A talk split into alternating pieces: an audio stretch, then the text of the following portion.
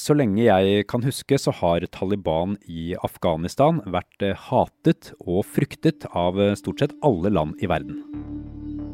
Og de samme landene har eh, brukt nesten all sin krigskraft på å nedkjempe terroristene i Taliban år etter år. Men nå er alt endret. Taliban sitter ved samme bord som fienden og skal forhandle om fred. Hvem er det som vinner på det? Dette er Forklart fra Aftenposten. Jeg heter Andreas Bakke Foss, og i dag er det mandag 21. september. Det ser ganske luksuriøst flott ut i eh, det man kommer inn i eh, en stor lobby der på hotellet.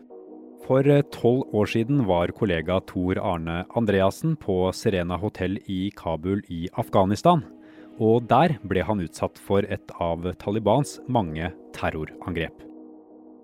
Daværende utenriksminister Jonas Gahr Støre og en gjeng norske journalister var på det samme hotellet.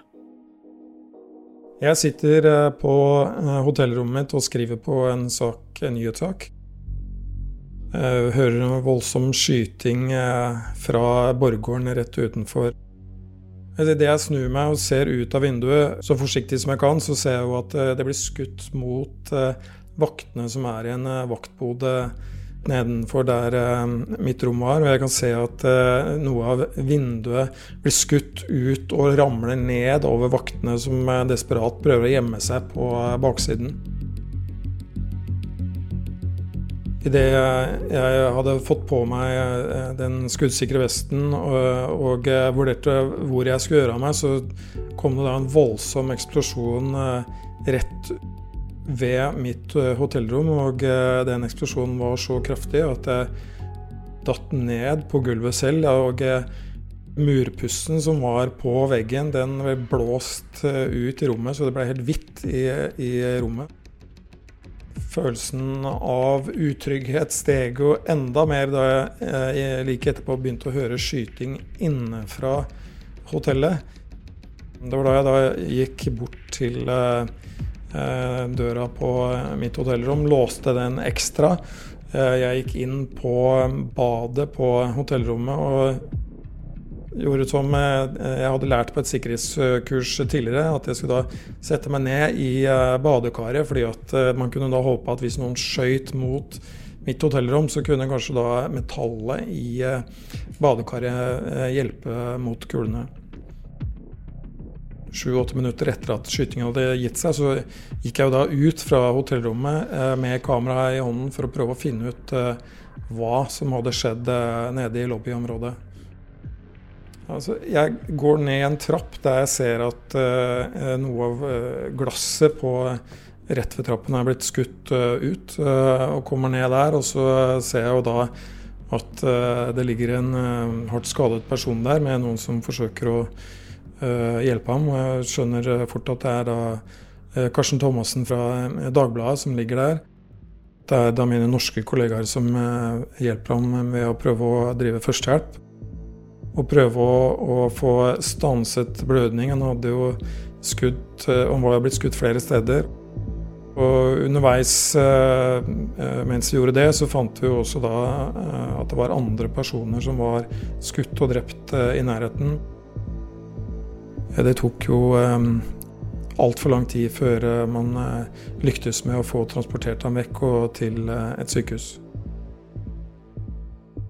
Etter at vi var blitt evakuert til eh, militærleiren som ligger ute ved flyplassen i Kabul, så eh, var det jo da en utenriksminister, eh, Jonas Gahr Støre, som kom til alle de norske og fortalte at Karsten Thomassen hadde, ikke hadde overlevd. Det var jo et veldig følelseslada øyeblikk for alle. Jeg, jeg håper at jeg aldri skal oppleve noe slikt en gang til. Eh, og så eh, satte jeg meg ned og skrev en nyhetssak om det for Aftenposten. Angriperne var to terrorister fra Taliban. Den ene sprengte seg selv utenfor hotellet. Den andre, 22 år gamle Mohammed Ramadan, kom seg inn. Det var han som drepte Dagbladet-journalisten Karsten Thomassen og fem andre den kvelden. Ramadan ble pågrepet og senere dømt til døden. Men han lever ennå. Nå er han trolig en fri mann igjen. Som en del av de omstridte fredsforhandlingene i Afghanistan.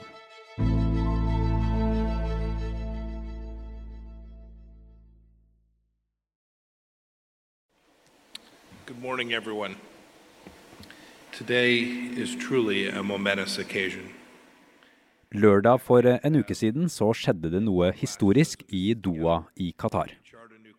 For noen år siden så ville det vært helt utenkelig, men nå har Taliban og den afghanske regjeringen satt seg ned til fredsforhandlinger. Det er første gang på nesten 20 år at de to krigende partene møtes. Det som har åpna på fredsforhandlingene, er at eh, USA gjorde helomvending. Christian Berg Harpviken er professor ved fredsforskningsinstituttet PRIO, og har selv vært i Afghanistan mange ganger. De har inntil nylig ikke vært villige til å snakke direkte med Taliban om amerikansk uttrekning. Men eh, de siste to årene har de gjort det, og det førte til en avtale som ble undertegnet i januar. Og det åpnet da veien for forhandlinger mellom den afghanske regjeringen og Taliban. For å skjønne hvorfor det er så omstridt, så må vi tilbake til 1979. Det var det året ABBA ga ut låten 'Chiquitita' og McDonald's lanserte Happy Meal. Og i desember det året så invaderte Sovjetunionen Afghanistan.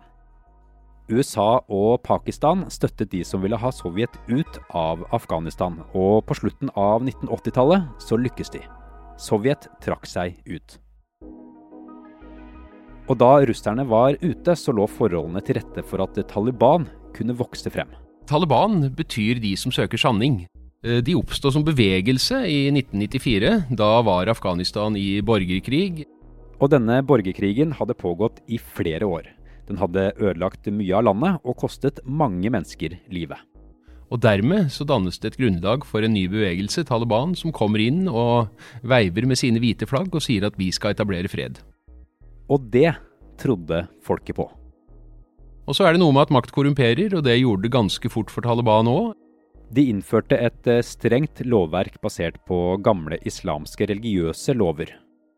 Kvinner skulle ikke jobbe utenfor hjemmet og måtte gå med heldekkende burka. Underholdning som musikk, sport og TV ble forbudt. Krevde voldsom eh, lydighet, krevde at lokalsamfunn skulle utskrive sine egne sønner til å gå i krigen for de, ble fort ganske upopulære også i de områdene der de opprinnelig hadde hatt aller mest støtte. For eh, Taliban-styret de la seg også ut med det internasjonale samfunnet, og det ble etter hvert ganske dårlig stemning. Og det handlet om støtte til internasjonal terrorisme, det handlet om promotering av narkotikaproduksjon, narkotikahandel, og ikke minst så handlet det da om menneskerettigheter, kvinners rettigheter i særdeleshet. To passasjerfly har med 18 minutters mellomrom krasjet inn i hvert sitt av de to tårnene. Og da Taliban lot terrorgruppen Al Qaida sitte i Afghanistan og planlegge angrepet på USA 11.9. i 2001, da ble det krig. We're never going to forget. I remember who killed him. I remember who did it. I remember Andre verdenskrig. Norge sender flere soldater til Afghanistan. Afghanistan and the new front in America's longest war.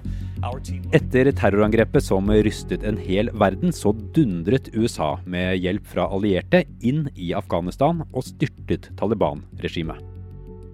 Men Taliban de ble aldri helt knust av amerikanernes bomber. I Afghanistan ble minst 27 mennesker drept i tre ulike angrep i dag. De siste 19 årene så har de stått bak flere brutale angrep, som det på Serena hotell, der Karsten Thomassen ble drept. fordømmer i kveld selvmordsattaket i Kabul i går. Og nå sitter altså både Taliban og den afghanske regjeringen og forhandler. We have come here with goodwill and good intention to stop the 40 years of bloodshed and achieve a countrywide and lasting peace. Nei, Målet er jo til sjuende og sist eh, fred, men så har jo partene antagelig ganske forskjellige visjoner om hva det betyr. Eh, Taliban insisterer på et islamsk styresett, uten at det er helt klart hva det betyr. Regjeringen ser for seg at Taliban skal gå inn som et vanlig politisk parti i det demokratiske styresettet som er etablert etter 2001. Så det er stor avstand. Så de går inn med stor avstand, og det er en jobb å gjøre?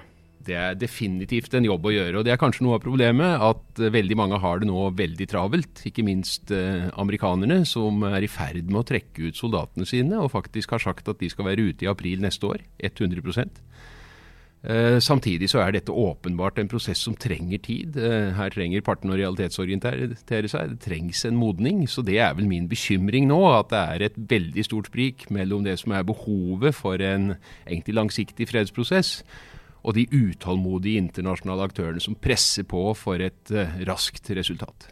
Men hvorfor går Taliban med på å, å sitte ved forhandlingsbordet? Hva er det de vinner på det?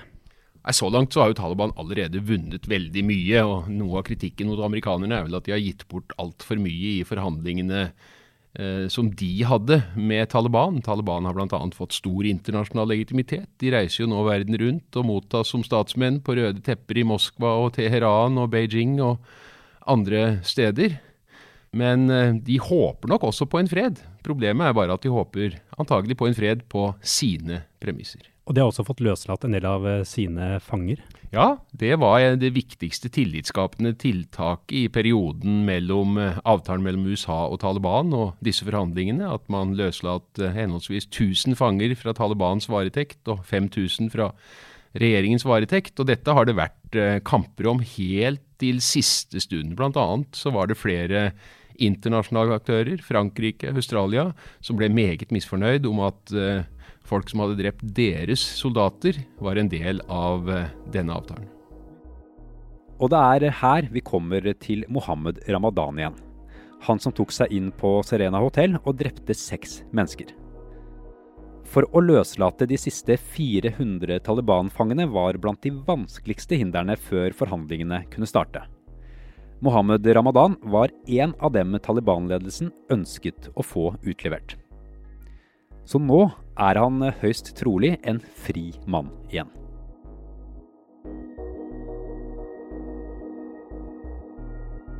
Både Taliban og den afghanske regjeringen innser jo at dette er en krig de ikke vinner som krig. Det må finnes en eller annen politisk løsning.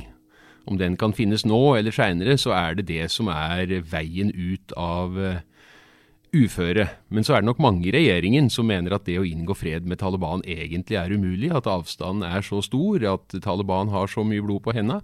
Så skal vi ikke glemme at det er mange egeninteresser her. Mange av de sentrale aktørene, ikke bare på Talibans side, men helt opplagt også på regjeringens side, har eh, tjent seg rike, har eh, inntatt gode posisjoner og er lite villig til å legge de godene i potten. Taliban Christian, de har jo kriget i, i årevis. Hvilken troverdighet har Taliban på at de virkelig vil ha fred? Jeg tror jo Taliban vil ha fred. Jeg reiste jo selv mye i Afghanistan den tiden de satt eh, ved makten på andre halvdel av 90-tallet. Det, var ikke den freden du og jeg kanskje ønsket oss, men det var en fred i deres øyne. Det var en stabilitet. Det var lett og trygt å reise. Det var også et undertryggende regime, for all del. Eh, så de ønsker, nok, eh, de ønsker nok fred. Eh, mange spør spørsmålet nå fordi at Taliban har motsatt seg en våpenhvile. Det syns ikke jeg er så rart, fordi at Talibans viktigste forhandlingskort, det er deres styrke på slagmarken. Det er et forhandlingskort de ikke er villige til å gi fra seg så tidlig i prosessen. Betyr dette at en fredsavtale er et realistisk mål? Jeg mener det er et realistisk mål, men det er bare et realistisk mål hvis begge parter er villige til å jenke seg, og hvis dette er en prosess som får tid og rom til å utfolde seg. For her er det ingen snarveier. Dette kommer til å bli vanskelig. Så dette er ikke gjort til våren? Det håper jeg ikke, for er dette gjort til våren, så tror jeg vi sitter med en avtale som ikke kommer til å holde. Om det blir en fredsavtale Christian, som, som, holder, hvordan vil situasjonen i Afghanistan da se ut i, i praksis? Eh, hva er det en sånn fredsavtale kan føre til? Forhåpentligvis så vil den i hvert fall føre til stabilitet, og det er viktig, fordi at i dag så er Afghanistan verdens dødeligste konflikt. Det har den vært de siste tre årene. Det drepes langt flere mennesker i konflikt i Afghanistan enn i både Syria og Jemen og alle andre land med krig. Men hvordan det vil se ut politisk, det er et ganske åpent spørsmål. Eh, her har vi alt fra visjonen om et fritt, demokratisk eh, Afghanistan, der Taliban har innordna seg som politisk parti og taper i politiske valg, eh, og dermed blir irrelevante, til visjonen til hardlinere innenfor Taliban, som ønsker seg tilbake til det regimet man hadde på 90-tallet. Jeg tror ikke vi får noen av delene, jeg tror vi får et eller annet imellom.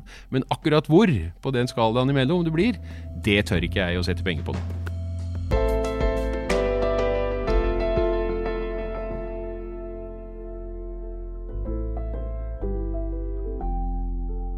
Forklart lages av Caroline Fossland, Anne Lindholm, Fride Næss Nonstad, Marit Eriksdatter Gjelland og meg, Andreas Bakke Foss. I denne episoden har du hørt lyd fra nyhetsbyrået AP, CNN, Al Jazeera og NRK.